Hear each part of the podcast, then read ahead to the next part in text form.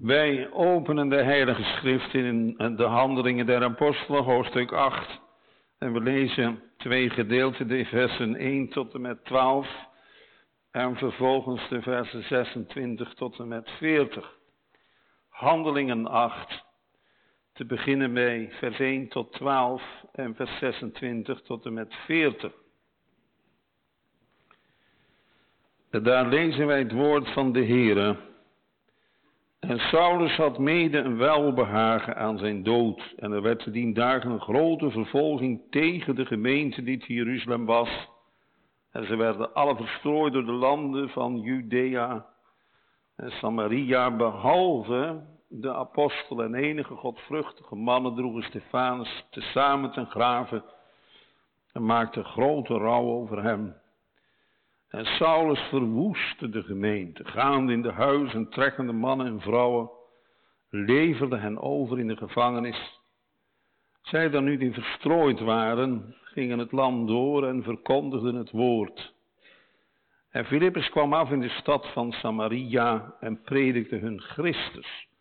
En de schade hielden zich eendrachtig aan hetgeen van Filippus gezegd werd, Terwijl ze hoorden en zagen de tekenen die hij deed, want van velen die onreine geesten hadden, gingen dezelfde uit, roepende met grote stem en vele geraakten en kreupelen werden genezen.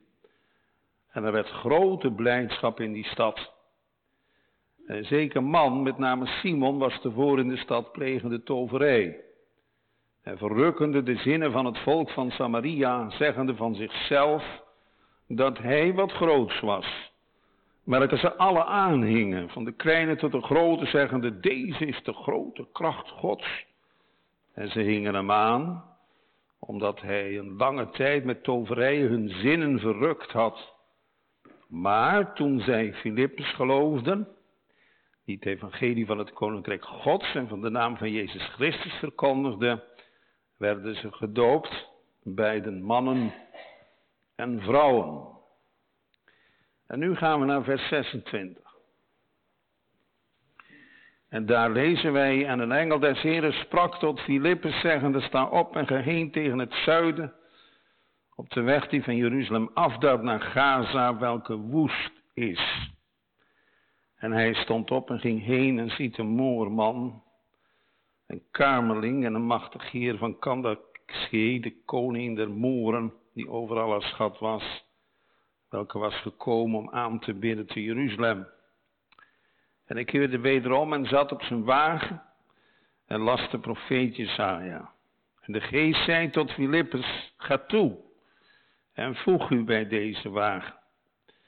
En Filippus liep toe en hoorde hem de profeet Jesaja lezen en zei, verstaat gij ook hetgeen gij leest? En hij zei, hoe zou ik toch kunnen, zo me niet iemand onderrichten? En hij bad Filippus dat hij zou opkomen en bij hem zitten. In de plaats van de schrift die hij las was deze. Hij is gelijk een schaap de slachting gelijk, gelijk een, lam stemmeloos is voor dien die het scheert, alzo doet hij zijn mond niet open. In zijn vernedering is zijn oordeel weggenomen en wie zal zijn geslacht verhalen? Want zijn leven wordt van de aarde weggenomen. En de kamerling antwoordde Filippus en zei, ik bid u, van wie zegt de profeet dit, van zichzelf of van iemand anders? En Filippus deed zijn mond open en beginnende van diezelfde schrift verkondigde hem Jezus. En alzo zij overweg reisden, kwamen ze aan een zeker water en de kamerling zei, zie daar water, wat verhindert mij gedoopt te worden? En Filippus zei, Indien gij van ganser harte gelooft, zo is het geoorloofd. En hij antwoordende zei, ik geloof dat Jezus Christus de Zoon van God is. En hij gebood de wagen stil te houden en ze daalden beiden af in het water, zo Filippus als de kamerling, en hij doopte hem. En toen ze uit het water waren opgekomen, nam de geest des Heeren Filippus weg. En de kamerling zag hem niet meer, want hij reisde zijn weg met blijdschap. Maar Filippus werd gevonden te Azote en het land doorgaande verkondigde hij het evangelie in alle steden totdat hij te Caesarea kwam. Amen. Tot zover de lezing van de Heilige Schrift. De kerntekst voor vanmorgen vindt u in vers 35. Vers 35. En Filippus deed zijn mond open en beginnende van diezelfde schrift verkondigde hem Jezus. Gemeente, we kennen allemaal de geschiedenis van het bezoek van Nicodemus zo in de nachtelijke uren aan Jezus. Om geestelijk onderwijs van Jezus te ontvangen. En wat een onvergetelijke nacht is dat geworden. En uiteindelijk weten wij dat die nacht voor Nicodemus tot zijn eeuwigheid is geweest. Wie had toch ooit kunnen denken dat hij tenslotte samen met Jozef van Arimathea de Jezus van het kruis zou halen om hem te begraven. De discipelen waren geen gevelden of wegen meer te bekennen. En dan zijn er twee fariseeërs die de begrafenis van hun Heere en zaligmaker Jezus voor hun rekening nemen. Het geeft wel aan, gemeente, dat er voor geen sterveling in uh, Nieuwe Teraan geldt dat het voor u of jou en mij niet zou kunnen. We gaan vanmorgen met name spreken over het werk van de Heilige Geest. En ook over het feit dat die geest blaast waarheen hij wil. Dat zijn de eigen woorden van Jezus. Dat is ook een van de belangrijkste lessen die Nicodemus heeft mogen leren in zijn leven. Tenzij een mens wederom geboren wordt, kan het koninkrijk Gods niet zien. En dan daarbij ook de wind blaast. Dat is de wind van de geest. Die blaast waarin hij wil, gehoord zijn geluid en je weet niet van waar die komt, nog waar die heen gaat. Al zo, daar moet je wel op letten. Dat vergeten we vaak. Maar dan wordt erachter gezegd, al zo is een ieder die uit God geboren is. De mens wordt dus wederom geboren door het eigen werk van God, door zijn heilige geest. Zo zegt Jezus het toch. Al zo is een ieder die uit God geboren is. Nou zijn in de Bijbel voor de woorden wind en geest dezelfde woorden gekozen. En de Heilige Geest leert ons dat ieder mens die uit God geboren is, geleid wordt op de wijze zoals God dat wil kinderen van God in Nieuwe Tela. Als u bij elkaar komt en u spreekt met elkaar over de weg die de Heer met u is gegaan in uw leven, dan zult u merken dat u allemaal een verschillende weg hebt. Daarom moeten we ook maar nooit zeggen, Heere bekeer u zoals u al uw volk bekeert. Laat de Heer dan maar vrijen. Want Hij weet wat goed voor ons is. En hij houdt met alles rekening, met onze omstandigheden, met onze persoonlijkheid. Kortom, laat het maar met hem, uh, laat hem maar begaan. Ik huiver altijd als ik hoor zeggen, ja maar een mens zal toch eerst dit en een mens zal toch eerst dat.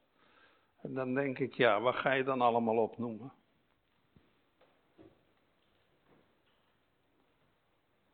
Deze moorman waar het vanmorgen over gaat, die zegt wat anders. Hoe zou ik het weten, zegt hij. Als ik geen onderricht krijg. Dat is toch een totaal andere positie. Onderwijzen hen die dwalen brengen in het rechte spoor. De eerste psalm die je als kind geleerd hebt zo'n beetje is... Heer, maak me uw wegen door uw woord en geest bekend. Leer mij hoe die zijn gelegen en waarin u treden bent. Waarom? Omdat we de weg zelf niet weten. Leer mij de weg door u bepaald en bestuur op dat spoor mijn wankelende gang. Nou, de geest blaast waarheen hij wil. Nu heeft de discipelen daar ook wel op gewezen. De Heer de discipelen daar ook op gewezen. Vlak voor zijn hemelvaart heeft hij nog gezegd. Gij zult ontvangen de kracht van de Heilige Geest die over u komen zal. En gij zult mij getuigen zijn, zult in Jeruzalem, als in geheel Judea en Samaria, Kijk, dan zeg je, dan lijkt het nog enigszins te bepalen en onder controle. Maar dan gaat de wind van de Heilige Geest alle kanten uitblazen. Want dan zegt Jezus tot aan de uitersten der aarde. En hoe bijzonder komt dat tot uiting in de geschiedenis waar we het vanmorgen over gaan hebben. Nou weten we dat er in Jeruzalem al het nodige gebeurd is. Daar zijn al duizenden mensen wederom geboren. En in het halfheidense Samaria is het inmiddels ook al Pinkster geworden. Menigte komen van mensen komen daar tot geloof. Er gebeuren vele tekenen en wonderen. Zo hebben we zojuist gelezen. En er was grote blijdschap in die stad. Maar dan verplaatst onze geschiedenis zich als het ware, zo zal ik maar zeggen, naar de uiterste van de aarde. Wat in vers 26 lezen we, en een engel des Heren sprak tot Filippus en zei, sta op en ga naar het zuiden, de weg op die van Jeruzalem afdaalt naar Gaza, die woest is. Dan moet u nagaan dat zijn prediking zo rijk gezegend wordt in Samaria. De een na de ander komt tot geloof en bekering. Grote blijdschap in de stad, in de harten van al die mensen, van mannen en vrouwen, die tot geloof en bekering komen.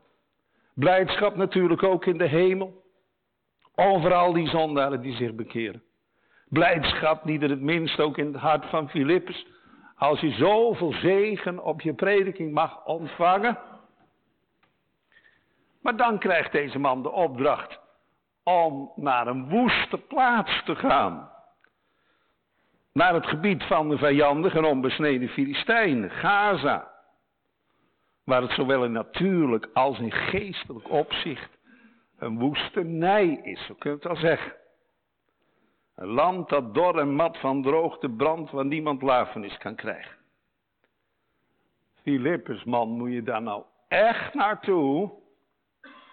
Ja, want de Heere gebiedt het hem. De Heere heeft werk voor hem. In vers, vers 26 horen we in eerste instantie de engel spreken tot Filippus. Eerst dus de engel van de Heere. En in vers 29 dat de geest tot Filippus spreekt. En wat zo opmerkelijk is, dat Filippus onmiddellijk en onvoorwaardelijk gehoorzaamt. Hij staat op en gaat heen. Geen jama's. En het moet toch heel wat voor die man geweest zijn om nu Samaria onder deze omstandigheden te verlaten. Om dan weggeroepen te worden. Uit een stad waar stromen van zegen als plasregens neerdalen. En dan nu sta op en heen naar een woeste plaats. En dan als gevolg, hij stond op en ging heen. Gehoorzaamheid is zo voornaam, ook nu nog. Gehoorzamen is beter dan de dienst der offeranden, zegt de Heer. En nu worden wij in deze geschiedenis meegenomen, want in vers 27 staat en zie. En dat betekent dus dat wij nu mogen mee gaan kijken met de ogen van Filippus mee. Hij vraagt ons speciaal de aandacht waarom. Om samen dat wonderenwerk van de Heilige Geest in het leven van een moorman, een kamerling, een machtig heer van Kandatzee, die over al haar schat was. En die gekomen was naar Jeruzalem toe helemaal, om daar de Heer te aanbidden. Even voor alle duidelijkheid, het gaat hier dus om een zwarte man, die afkomstig is uit het koninkrijk Nubië, dat gelegen is in het huidige Soudaan, waar die vreselijke gevechten zijn op het ogenblik, ten zuiden van Egypte. Een voornaam man, een kamerling, een machtig heer van Kandatzee. Kandatzee is de titel voor de koningin van de Moren. En hij was overal haar schat, dat betekent dat hij de minister van Financiën was. Dus een man van hoog aanzien, een man van gezag, een man met veel verantwoordelijkheid. Nou, het is wel heel bijzonder en wonderlijk dat deze man uit dat verre Soudaan naar Jeruzalem komt om de God van Israël aan te bidden. Hoe is die man ertoe gekomen? Ja, dat weten we ook niet. Mogelijk zijn er Joodse gemeenschappen geweest in zijn land en heeft hij zodoende van de Heere, de God van Israël, gehoord. Maar hoe dan ook, kennelijk is het de wind van de Heilige Geest die in het hart van deze man is gaan waaien en wel zo dat hij ertoe gedreven is geworden om naar Jeruzalem te gaan, om die verre reis te gaan maken, om de God van Israël te eren, door deze God te aanbidden. En nu was er voor de heidenen speciaal uh, voorhof bij de tempel, waar de heidenen inderdaad konden aanbidden. En hij heeft hier mogen praktiseren waarmee we de dienst zijn begonnen. Ja, elk der vorsten zal zich buigen en vallen voor hem neer, al het heidendom zijn lof getuigen, dienstvaardig tot zijn neer. Maar toch, hoe goed zijn verblijf ook geweest is op zichzelf in Jeruzalem. Deze kameling heeft het toch niet gevonden wat hij er zocht. Hij heeft vrede gezocht met God. En dat heeft hij niet. Want dat krijgen we alleen maar door het geloof in de Jezus Christus. Dat geldt natuurlijk niet alleen die kamerling. Dat geldt ook u en jou en mij. Ik vergeet het nooit dat ik een broeder bezocht die op zijn sterfbed lag.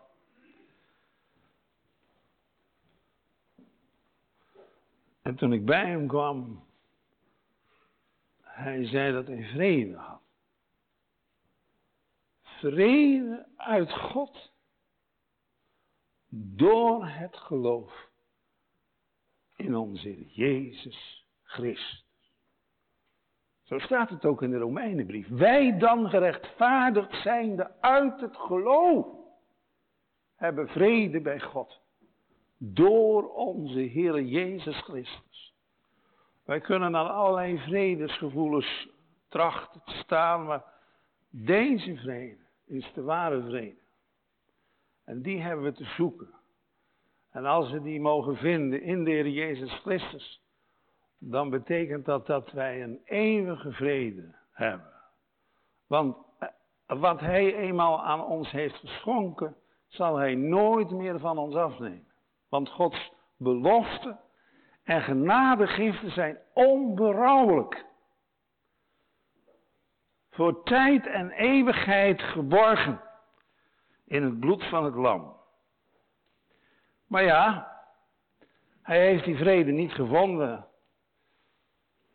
en nu zegt Paulus, hoe zullen zij in hem geloven van wie ze niet gehoord hebben? En hoe zullen zij horen zonder iemand die predikt?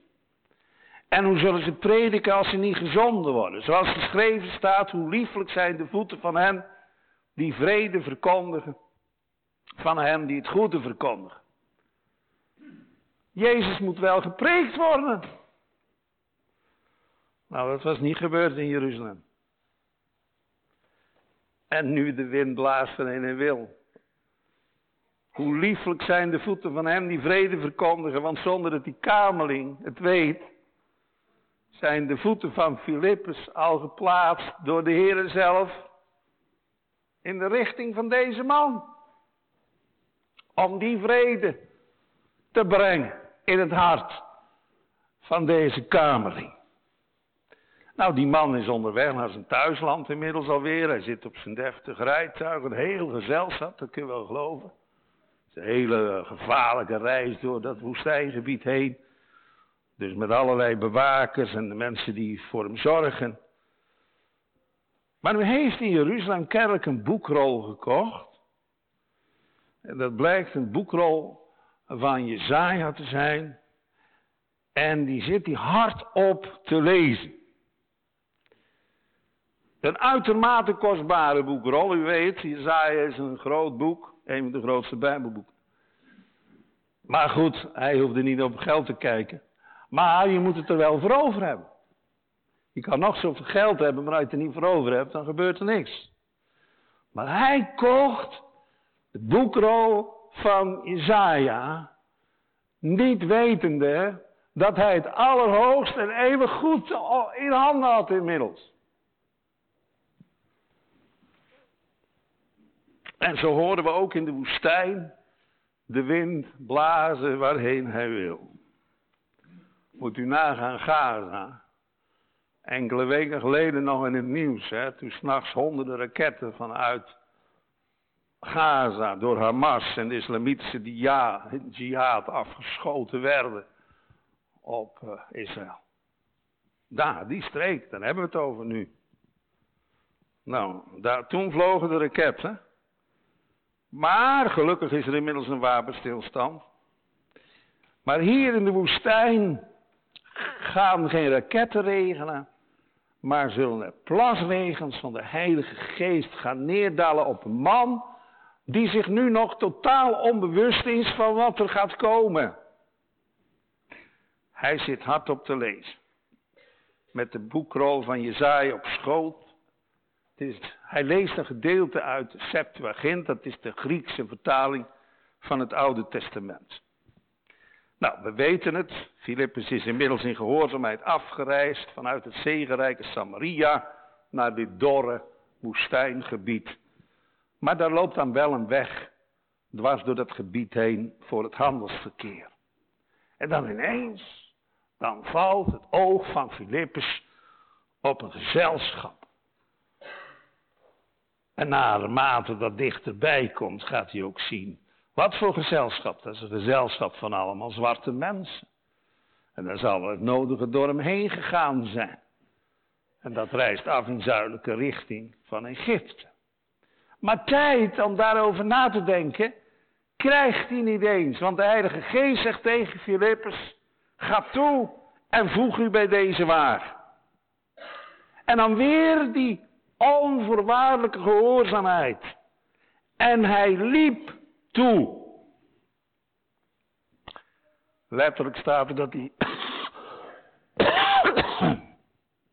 Letterlijk staat er dat hij op de wagen toerent. Hij moet wel snelheid maken natuurlijk, want die wagen, ik begrijpen, is in beweging. een paard stapt als hij normaal loopt 5 km per uur, heb ik vroeger geleerd. Nou, dat is toch een tempo. En al holend zo naast dat rijtuig met die zwarte man erop, hoort hij die man, de profeet Jezaja, hardop voorlezen. Nou, u merkt wel, Filippus kent de schriften, want hij hoort gelijk, hé, dat Jezaja. En bovendien kende hij de Griekse taal kennelijk. Want deze man, die zit hardop in het Grieks te lezen. Dit is ook zo door de Heilige Geest bestuurd, hè? De Geest waaruit waarheen hij wil.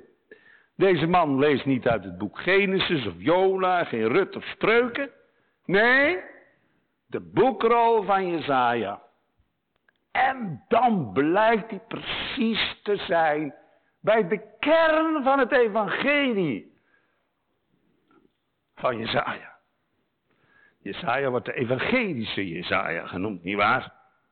En dan geen Jezaja 1, geen Jezaja 40, maar in onze Bijbel precies dat gedeelte dat wij allemaal kennen. Jesaja 53, waar het gaat om de man van smarten, om de leidende knecht van de Heer, onze Heer Jezus Christus. En nu Filippus deze man dit gedeelte hoort lezen, vraagt hij, al hollend nog steeds, hè, naast die wagen. Verstaat u ook hetgeen u leest? Nou, dat is nogal een vraag. Hij ziet ook wel dat het een heel voornaam man is. Die met alle egaars wordt omringd. En om dan aan zo'n voornaam en welgesteld man, die de Griekse taal ook leest en begrijpt, om dan nog te vragen, begrijpt u eigenlijk wel wat u leest? Ja, hij stelt de vraag nog dieper. Want voor dat woord verstaan staat er in het Grieks een woord dat betekent Begrijpt u, verstaat u met uw hart wat u leest? Dat is een vraag. Die kunnen we ook aan elkaar stellen vanmorgen, toch? Jezaja 53 kennen wij allemaal. Onze kinderen zullen er ook teksten uit geleerd hebben.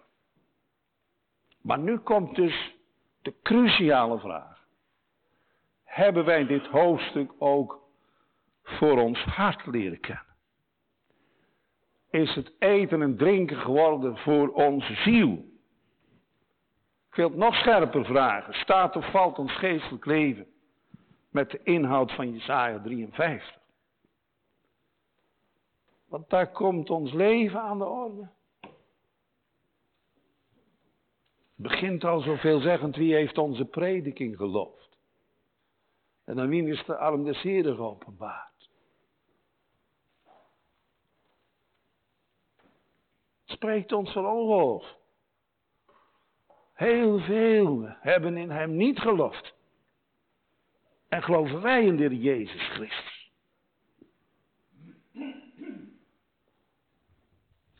Hij was een geminacht mens. Onwaardigste onder de mensen. Er was minachting voor Jezus.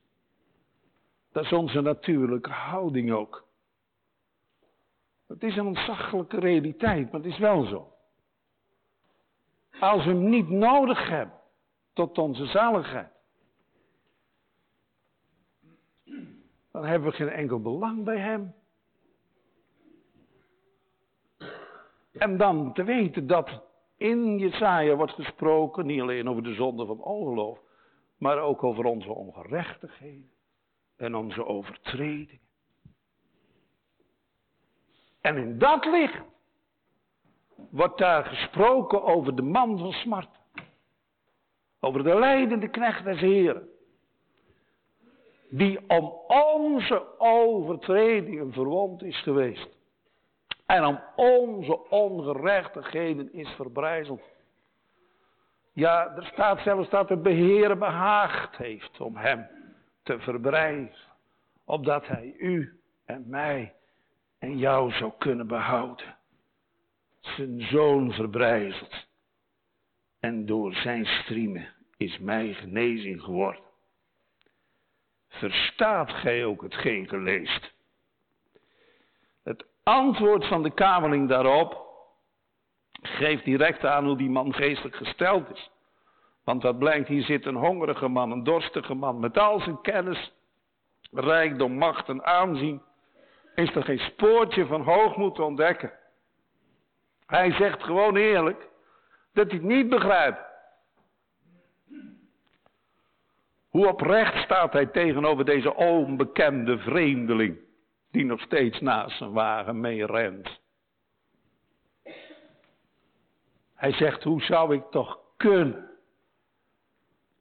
Zo mij niemand onderricht. En dan smeekt hij Filippus om bij hem op de wagen te komen zitten. En op welk moment? Ook dat is weer niet toevallig. De wind blaast waarheen hij wil. Hoe merken we dat de Heilige Geest in dit alles de hele regie in handen heeft van het gebeuren? Hoe heerlijk komt Gods voorzienigheid nu openbaar? Want terwijl Filippus zich bij de kamerling op die wagen voegt, hoort hij deze woorden hardop lezen. Hij is gelijk een schaap de slachting geleid.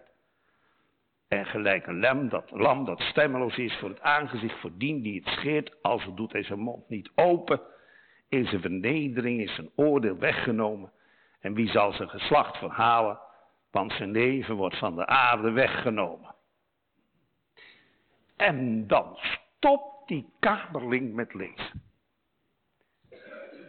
En hij kijkt naar Philips. En dan zegt hij, ik smeek u, ik bid u, ik smeek u. Van wie zegt de profeet dit? Zegt hij dit nou van zichzelf of van iemand anders? Dat ik smeek u, dat is een beleefdheidsvorm. Dat betekent, alsjeblieft, staat u mij toe. Geef dat ik het u mag vragen. Zegt de profeet dit van zichzelf of van iemand anders? U merkt wel, hij schaamt zich helemaal niet om zijn geestelijke onkunde bloot te leggen. Integendeel, juist omdat hij het niet weet, is hij zo begeerig om het wel te weten. En deze woorden zijn voor hem gewoon een hele duistere plaats. En hij heeft het licht van de Heilige Geest nodig om deze woorden te verstaan. Kennelijk heeft hij in Filippus, die zo onverwacht bij hem is gekomen. En die belang in hem stelt de man gezien die bestemd was voor hem om deze uitleg te geven. En laat ons zo dan toch naar het woord luisteren, ook vanmorgen. Merk je hoe gretig deze man was om geleerd te worden en geleid te worden in het leven met de Heer. En laat dat dan ook de gesteldheid van ons hart zijn. Oh, dan bewegen wij u daartoe door deze prediking. Om zo te luisteren. En als het niet in je hart leeft, vraag dan op dit moment, o Heer, laat diezelfde geest die nu dit heerlijke werk gaat doen in het hart van deze man, ook mijn hart in beslag nemen. Want dat doet de geest. Hij legt beslag op je hart. En hij legt beslag op je leven. Wanneer de schriften geopend worden voor je hart. En God zendt zijn boodschappers toch nog steeds uit om deze zeer blijde tijding aan u te brengen. U krijgt weer een predikant van de Heer.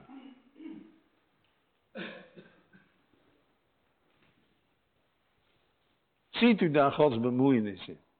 Met u en met jou. Hij kan toch ook niemand er laten voor wat het is. Hoeveel gemeentes zijn er niet? Die er niet meer zijn. Of er bijna niet meer zijn. En u mag nog met een volle kerk vanmorgen hier zitten. Wat de genade bewijst de Heer aan u tot op dit moment. En ik herinner u aan het begin uit vers 27 en zie dat de Heilige Geest ons gevraagd heeft om met de ogen van Filippus mee te kijken. En nu zou ik willen zeggen om nu ook met de oren van Filippus mee te luisteren naar wat er hier allemaal gebeurt.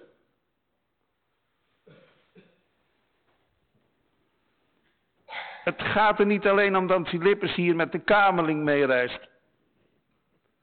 Nee, de Heilige Geest is daar aanwezig op die wagen. De geest die voorspoedig rijdt op het woord van zijn waarheid. Want dat is wat er nu gaat gebeuren. En Filip staat er, deed zijn mond open. Dat was de kerntekst. En beginnende van diezelfde schrift verkondigde hem Jezus. Is dat hij nou net bij dat gedeelte is gekomen waarin die voluit de Christus der schriften kan en mag verkondigen. Die man die zat hier met de Heer Jezus als het ware. Bij wijze van spreken zat hij hier met de Heer Jezus op schoot. Alleen hij zag het niet. Had er geen oog voor, hij had er geen oor voor. En nou zendt de Heer door de Heilige Geest notabene man uit Samaria. Om hem dat te laten horen. En om hem dat te laten zien. En zie dat nou ook vanmorgen zo. Dat de Heer ook weer iemand uit Dordrecht stuurt. Hier door de woestenij heen komen worstelt aan de handje van een ouderling. Om je deze blijde boodschap te verkomen. Dat hij je hart wil hebben. Daar is het hem om begonnen. Niet willende dat je verloren gaat. Maar dat je zult leven. Tot in der eeuwigheid.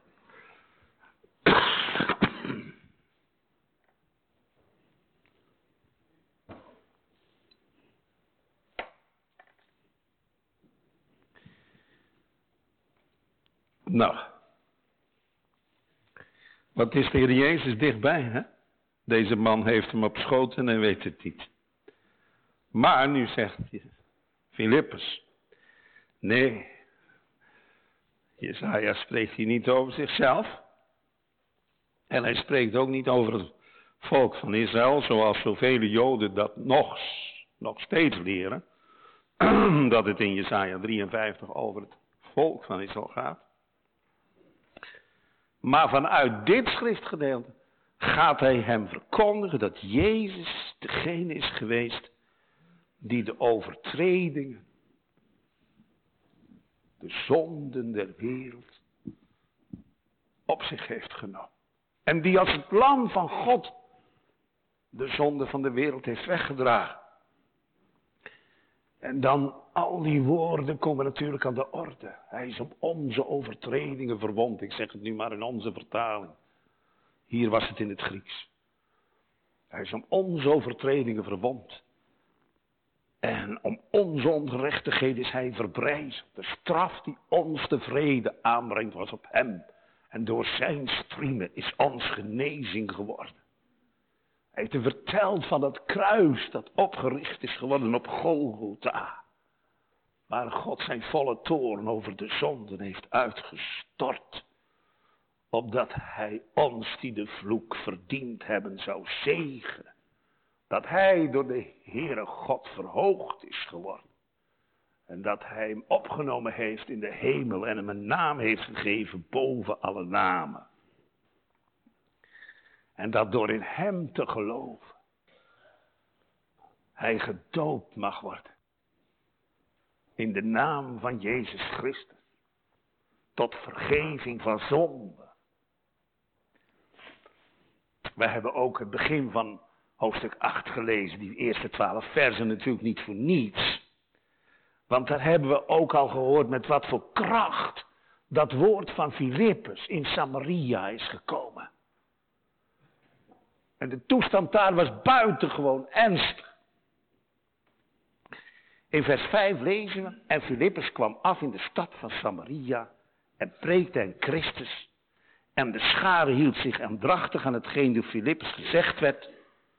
Dat betekent letterlijk dat ze door de prediking van Filippus dat woord gaarne, dat is met vreugde, hebben aangenomen. En dan direct daarop volgt het gedeelte van Simon de tovenaar. Om aan te tonen hoe de toestand was toen die mensen tot geloof kwamen. Hij verleidde de hele stad met zijn tovenarij, zeggende van zichzelf dat hij iets groot was. En dan staat er, welke ze alle aanhingen, van de kleine tot de grote, zeggende, deze is de grote kracht van God. Nou, dat was de toestand. En dit is het antwoord van de Heilige Geest op dit duivelswerk.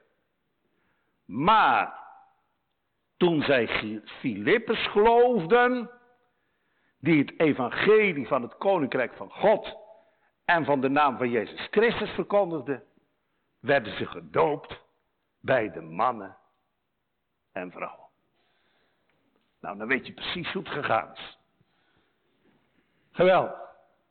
En diezelfde naam wordt ook nu gepreekt. En datzelfde evangelie wordt nu gepreekt. We hebben het woordelijk herhaald wat er in Jesaja 53 staat. Het is voor die man eeuwig genoeg gebleken, dat zullen we zo horen. Dat zal dus voor ons ook zo kunnen zijn. Als dat net zoals bij die mensen Samaria eendrachtig werd aangenomen, geloofden, de hand erop hebben gelegd en zich hebben laten dopen tot vergeving van zonde. Nou, de prediking van Filippus is op die wagen naast die kamerling natuurlijk niet van een ander niveau geweest als in uh, Samaria. En terwijl ze zo als sprekende steeds verder gereisd zijn, dan ziet die kamerling ineens midden in het landschap, woeste landschap, woestijnlandschap, een zekere water. Nou, dat is op zichzelf natuurlijk ook alweer iets bijzonders. Want water in de woestijn, weet je, waarschijnlijk is dit de zogenaamde Wadi geweest. Als je ooit in Israël geweest bent, dan weet je al direct wat het is. Het kan in die woestijn, dat is een rotswoestijn. Wij hebben vaak een verkeerd beeld van de woestijnlandschap in Israël. Dan denk je aan een soort Sahara-achtige toestand. Dat is natuurlijk ook een woestijn, in optima forma. Maar in Israël heb je rotswoestijn. En daar groeit geen boom of zo. En dan kan het zo heftig regenen. Dat de modder, zand en stenen vanaf die bergen naar beneden komt. En dan voert dat water alles met zich mee. Omdat er geen struiken of bomen staan die dat tegenhouden. En dan komt dat water zo met geweld op het vlakke gedeelte. En dan wordt al die grond meegenomen door die stroom van modder en dan ontstaat er gewoon een brede rivier. Zo hard gaat dat. Dat landschap verandert dan ook voortdurend. Nou, mogelijk is daar net zo'n vreselijke bui geweest in die buurt. En dan is daar nog dat water aanwezig.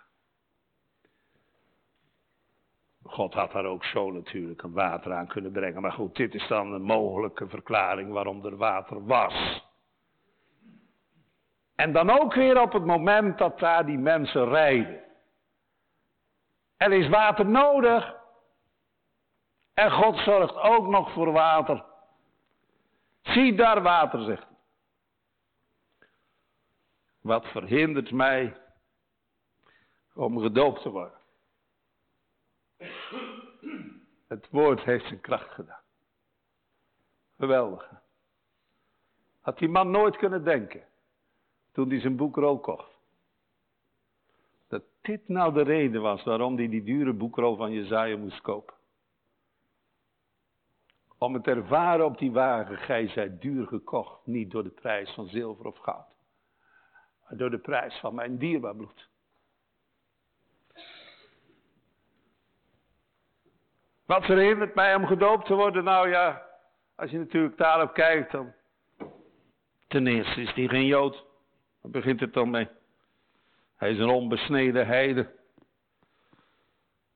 Hij is zwart, dat helpt ook niet. Redeneer in die tijd. Hè? Daarbij is hij ook nog een uinuig. Dat wil zeggen dat hij gesneden was, een gecastreerde man. En wat voor leven heeft hij achter de rug? Daar weten we verder niks van. Maar ga je eigen leven maar na. Wat voor leven heb je achter de rug? Een leven buiten Christus. Dat is van nature, hè? Ja. Dan kun je al moed wel opgeven. Wat verhindert mij om gedoopt te worden? Wat voor bezwaren kunnen bij ons niet leven? zijn er nooit toe gekomen om beleidenis van het geloof af te leggen. Want ja, dat leven van mij.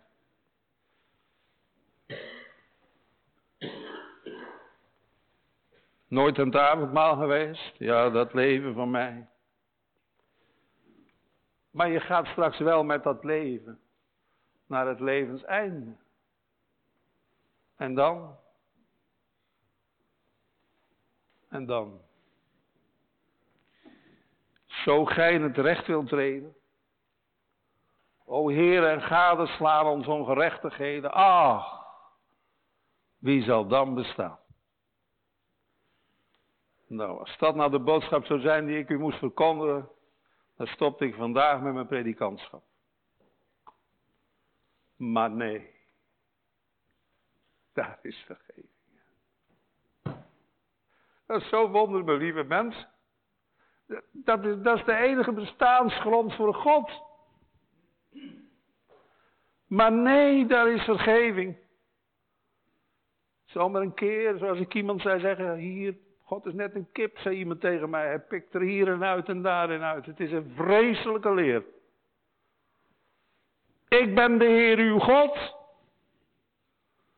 Ik heb het bloed van mijn zoon al aan je voorhoofd gesprenkeld ten bewijze dat ik wil dat je niet sterft, maar leeft.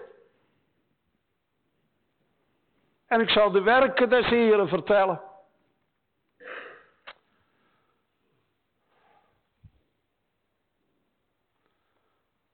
Wat verhindert mij om gedoopt te worden? Dat is de vraag van Filippus en van de Kamerling. Dit is het antwoord. Indien gij van ganser harte gelooft, zo is het geoorloofd. Van ganser hart. Hij laat ons horen dat het een zaak is van het hart. Het gaat niet om een uiterlijke belijdenis. En voor de rest jezelf blijven. Nee, de Heer wil de hele mens hebben. Mijn zoon, mijn dochter. Geef mij je hart. Hij wil ons verstand hebben, hij wil, ons gewil, hij wil onze wil hebben, hij wil onze gevoelens hebben. Nou, Kamerling, ik geloof dat Jezus Christus de Zoon van God is. Stilhouden die wagens. Gelijk stilhouden. Niet aan dat water voorbij rijden. Prachtig. De wagen staat stil. En nu dalen ze daar beide af in het water. Ik denk dat al die dienaren die daarbij geweest zijn, die hebben ook niet geweten wat er gebeurde, want die hebben van het gesprek natuurlijk totaal niks gehoord. Wij hebben het allemaal mee mogen maken. En wij zijn jaloers op die man geworden. En we mogen meekijken en we mogen meeluisteren. Ze dalen beide af in het water, eerst Filippus en dan de kamerling. En Filippus doopte hem. Zie je hem daaronder gaan? Daar wordt hij met Christus begraven in zijn dood. Maar hij komt ook weer naar boven toe. En daar staat hij met Christus op. In een nieuw leven. Want hij is gestorven om onze zonde. En hij is opgewekt tot onze rechtvaardigmaking. Die Christus zien we nou. Hij is erbij, hè, nu. We hoeven niet in de hemel op te klimmen of in de afgrond neer te dalen. Nou, bij u is het woord.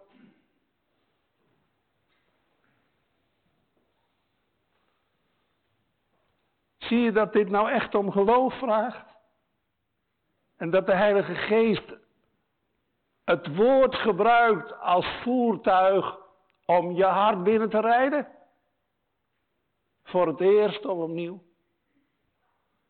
Ik weet het nog goed hoor, dat hij voor het eerst binnenkwam. Heel goed.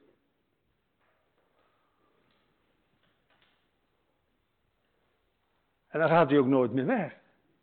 Lijkt er wel eens op. Want er is strijd en aanvechting in het geloofsleven, maar daar gaan we het nu niet over hebben.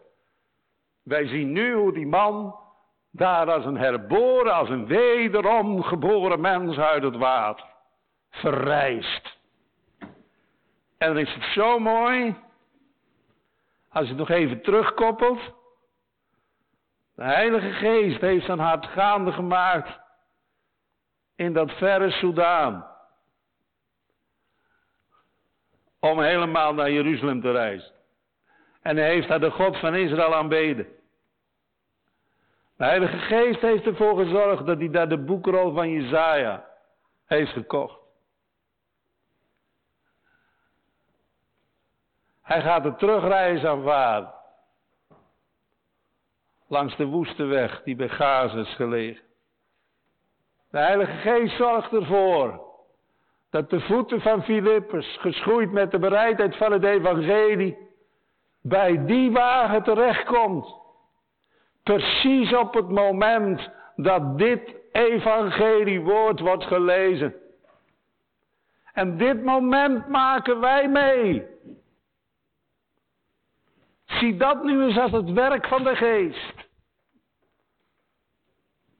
Wie oren heeft, die moet horen wat de geest tot de gemeente zegt. Nou, de Heilige Geest zorgt ervoor dat dat woord uitgelegd wordt. Zorgt ervoor dat er water is. Zorgt ervoor dat die man tot de beleidenis komt. Ik geloof dat Jezus is de Christus. De Zoon van God. En hij wordt gedoopt. En de Heilige Geest zorgt er ook voor dat zodra die doop heeft plaatsgevonden. Filippus verdwenen is, die wordt gevonden in Azoten. En de man die vervolgt zijn weg met blijdschap. Hij ziet Filippus niet meer. Filippus is weg. Maar de geest is bij hem. En het woord eveneens. Hij is er zo vol van. Het hart vervuld met heilbespiegelingen zal het schoonste lied van ene koning zingen. Hij is verblijd. In wie? In hem. In Jezus Christus.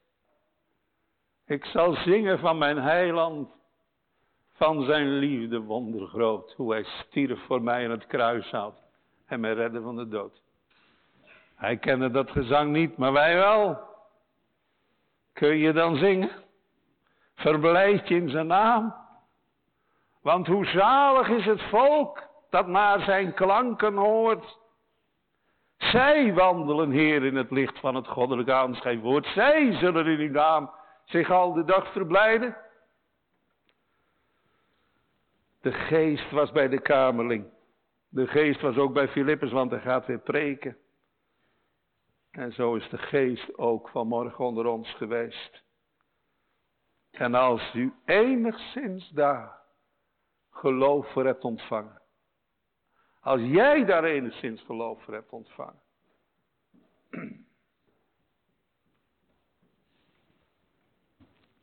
Dan is er ook blijdschap. Oh, en dan kan ik me voorstellen dat je er iets van wil zeggen. En misschien geeft de geest je ook wel de gelegenheid om dat te doen. In ieder geval geeft de geest ons nu de gelegenheid om het uit te zingen. Kom, luister toe, gij Godgezin. Gij die de Heere van harte vreest, hoort wat mij God deed ondervinden, wat Hij gedaan heeft aan mijn geest. Ik sloeg heilbegeerige toog naar boven. Ik riep de Heer ootmoedig aan. Ik zal met mond en hart hem loven, hem die alleen mij bij kon staan. Amen.